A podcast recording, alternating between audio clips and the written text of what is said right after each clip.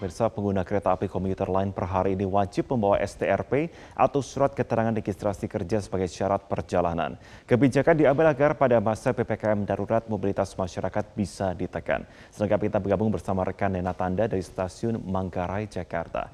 Nena selamat pagi, bagaimana kondisi penerapan hari pertama di stasiun Manggarai? Iya Marvin, memang ini adalah hari pertama untuk kebijakan harus membawa STRP ataupun surat tugas untuk sebagai syarat perjalanan e, menggunakan moda transportasi kereta api komuter lain. Dan jika dilihat memang untuk di situasinya di stasiun Manggarai ini terpantau lengang di hari pertama dan penerapan STRP ini adalah penerapan hari pertama untuk kebijakan bahwa ini menjadi syarat pertama untuk menaiki komuter lain. Dan untuk hari ini memang sudah ada petugas yang bersiaga untuk mengecek uh, kelengkapan berkas. Dan pada hari pertama ini memang diberikan keringanan begitu untuk membawa surat tugas ataupun STRP ini dalam bentuk uh, soft file. Dan besok diharapkan para calon penumpang ini membawa surat dalam bentuk fisik sehingga bisa di stempel ataupun diberikan cap. Dan nantinya ini uh, akan dipergunakan setiap hari begitu dan uh, satu surat ini cukup untuk membawa atau memperbolehkan masyarakat untuk menaiki kereta api komuter lain untuk bekerja karena memang saat ini yang boleh menaiki uh, kereta api ini hanya orang-orang yang bekerja dalam sektor kritikal dan juga esensial. Namun tadi kami juga sempat menemukan ada beberapa orang atau calon penumpang yang tidak membawa STRP dan mereka tidak diperbolehkan untuk naik ke kereta api. Karena memang sebelumnya berdasarkan Permen Hub nomor 50 tahun 2021, maksud kami surat edaran, ini uh, para calon penumpang diwajibkan untuk membawa STRP ataupun surat tugas yang telah ditandatangani oleh petinggi perusahaan minimal ini uh, setara dengan eselon 2 di pemerintahan. Dan jika mereka tidak membawa surat ini maka tidak diperbolehkan untuk melakukan perjalanan dalam negeri baik itu kereta api ataupun uh, moda transportasi lain. Dan hanya mereka yang bekerja di sektor esensial dan kritikal saja yang boleh e, melakukan perjalanan menggunakan moda transportasi kereta api ataupun darat dan juga e, sungai dan lain sebagainya begitu. Dan meski demikian e, dalam unsur darurat ini diperbolehkan untuk pergi menggunakan kereta api komuter lain e, jika ini berkaitan dengan kesehatan ataupun nyawa. Dan e, komuter lain sendiri ini beroperasi setiap hari pada pukul 4 pagi hingga pukul 9 malam dengan wajib menggunakan masker ganda. Tadi kami juga sempat melihat ada calon penumpang yang tidak menggunakan masker ganda. Ini mereka diwajibkan untuk menggunakan masker ganda. Selain itu untuk kuota gerbong di KRL sendiri ini hanya 32 persen atau setara 52 orang. Pemirsa memasuki pekan kedua pembatasan mobilitas di DKI Jakarta di masa PPKM darurat, penjagaan terus dilakukan seperti yang terjadi di kawasan Lampiri, Jakarta Timur. Untuk mengetahui informasi selengkapnya kita terhubung bersama Brigadir Satria langsung dari kawasan Lampiri, Jakarta Timur. Brigadir Satria, bagaimana situasi terkini di pos penyekatan di kawasan Lampiri? Apakah masih ada pengendara yang masih nekat melintas?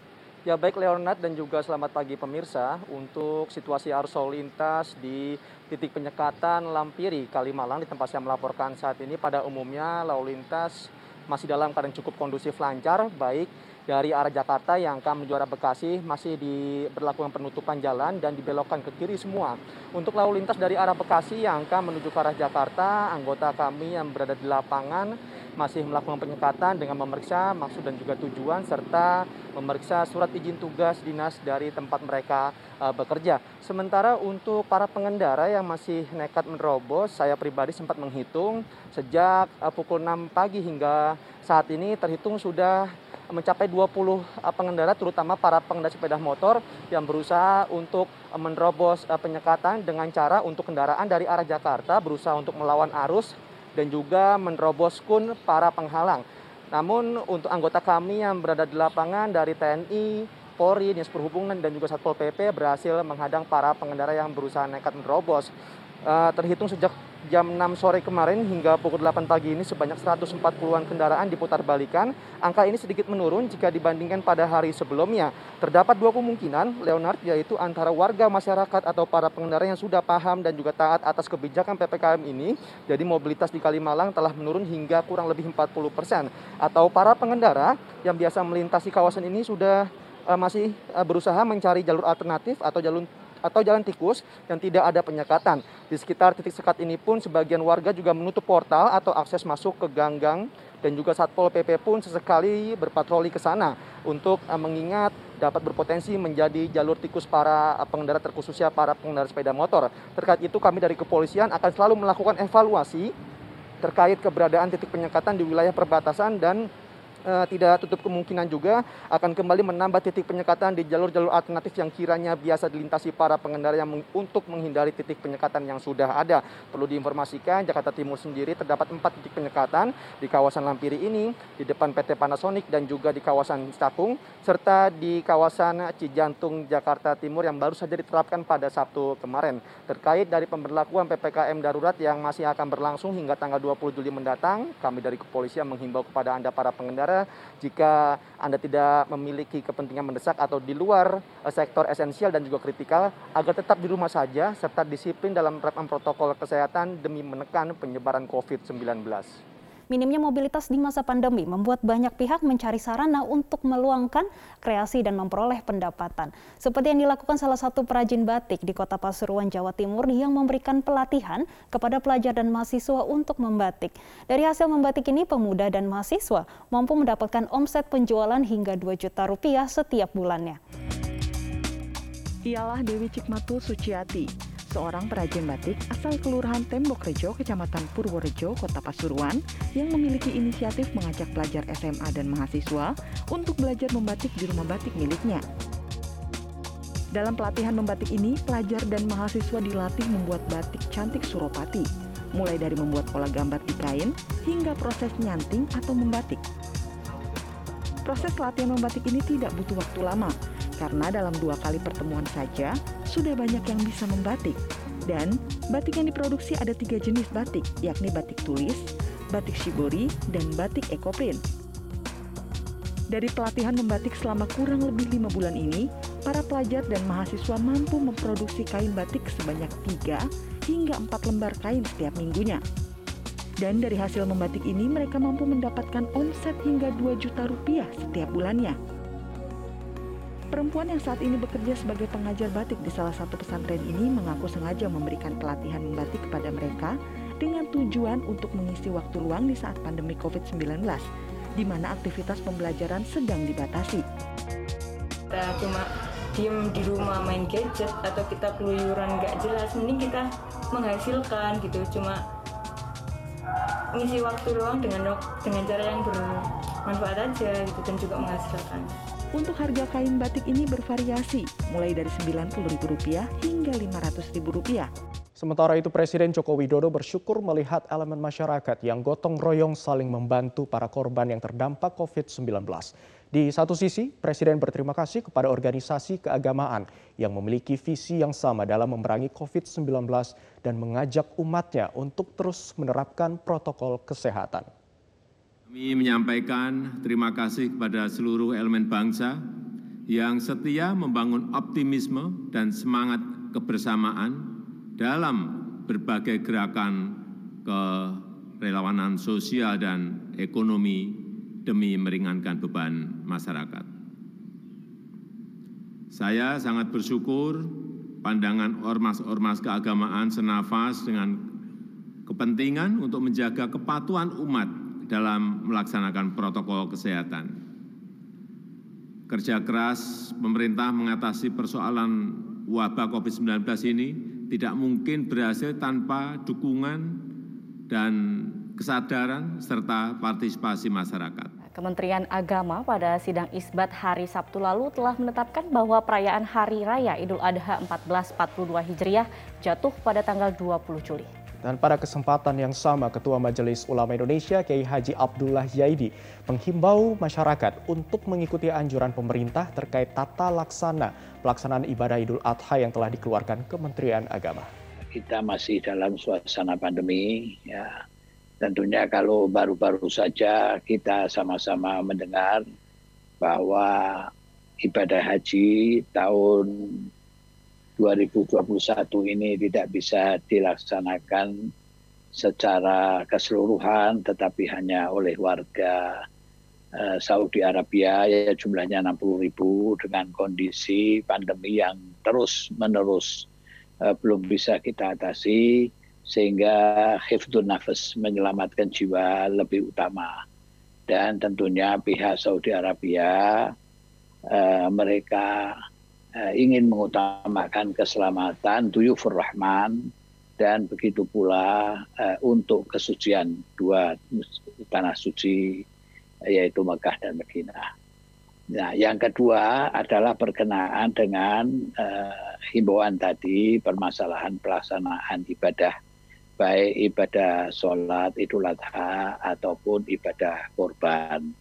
Uh, Majelis Ulama Indonesia juga sudah mengeluarkan fatwa berkenaan pelaksanaan ibadah uh, di masa pandemi ini.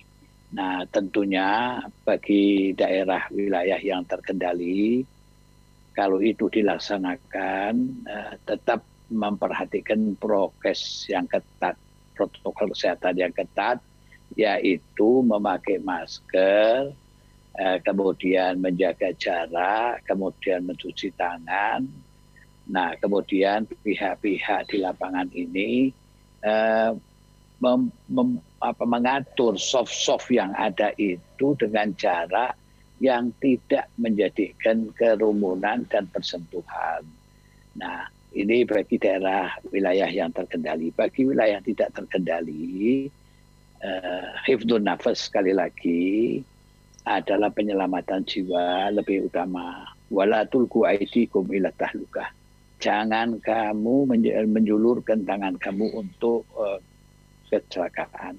Nabi Shallallahu Alaihi Wasallam di masa itu hujan lebat sehingga jamaah yang pulang ke rumah sesudah maghrib tidak bisa kembali untuk sholat isya berjamaah. Maka Nabi mengatakan solu fi buyutikum, sholatlah kalian di rumah masing-masing.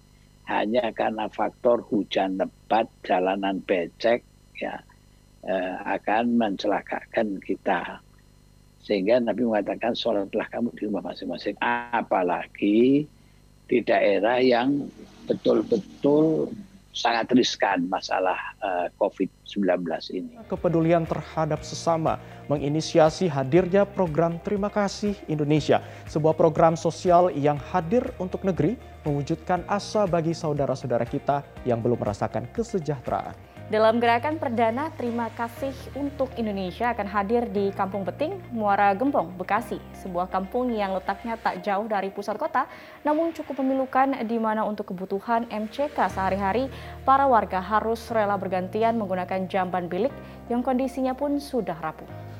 Air adalah sumber kehidupan. Tak ada satu makhluk hidup pun yang tidak membutuhkan air.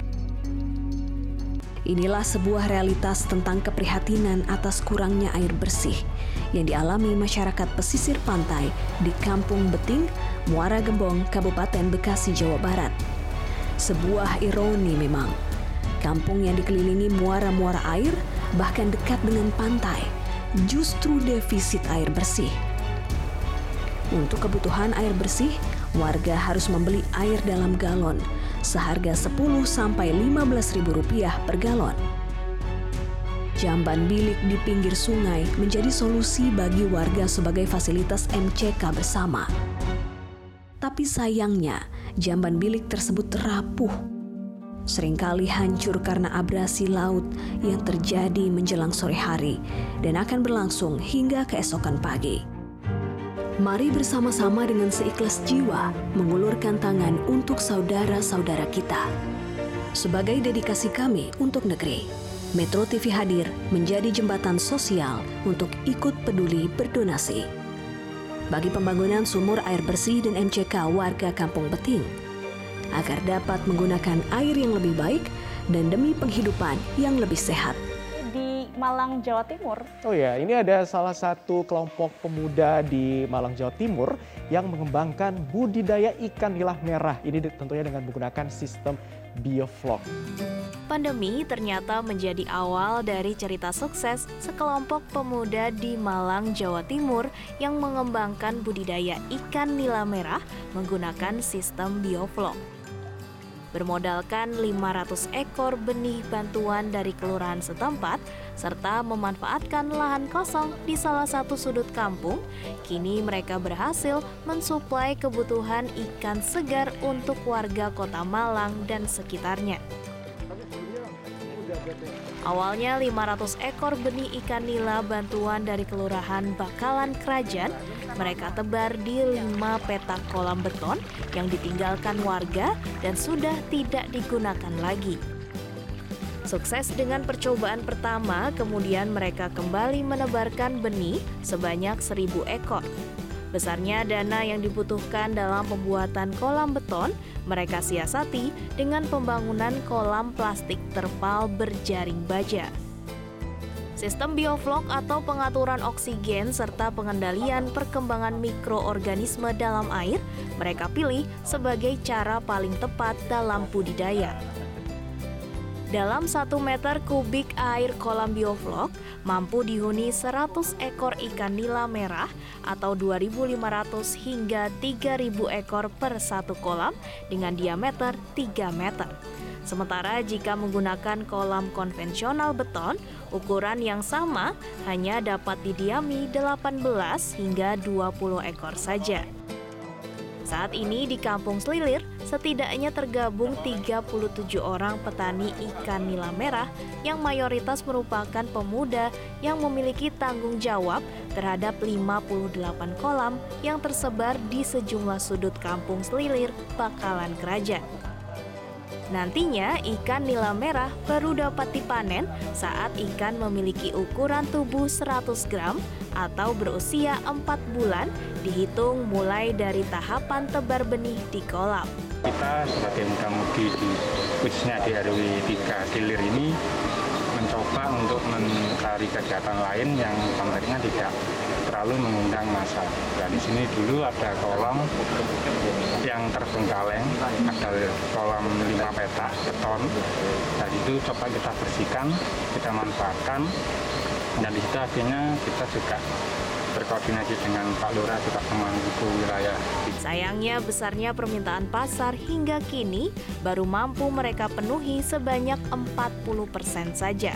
Sementara 60% lainnya harus terbagi dengan petani dari sejumlah daerah di Jawa Timur karena kurangnya modal dan luas lahan.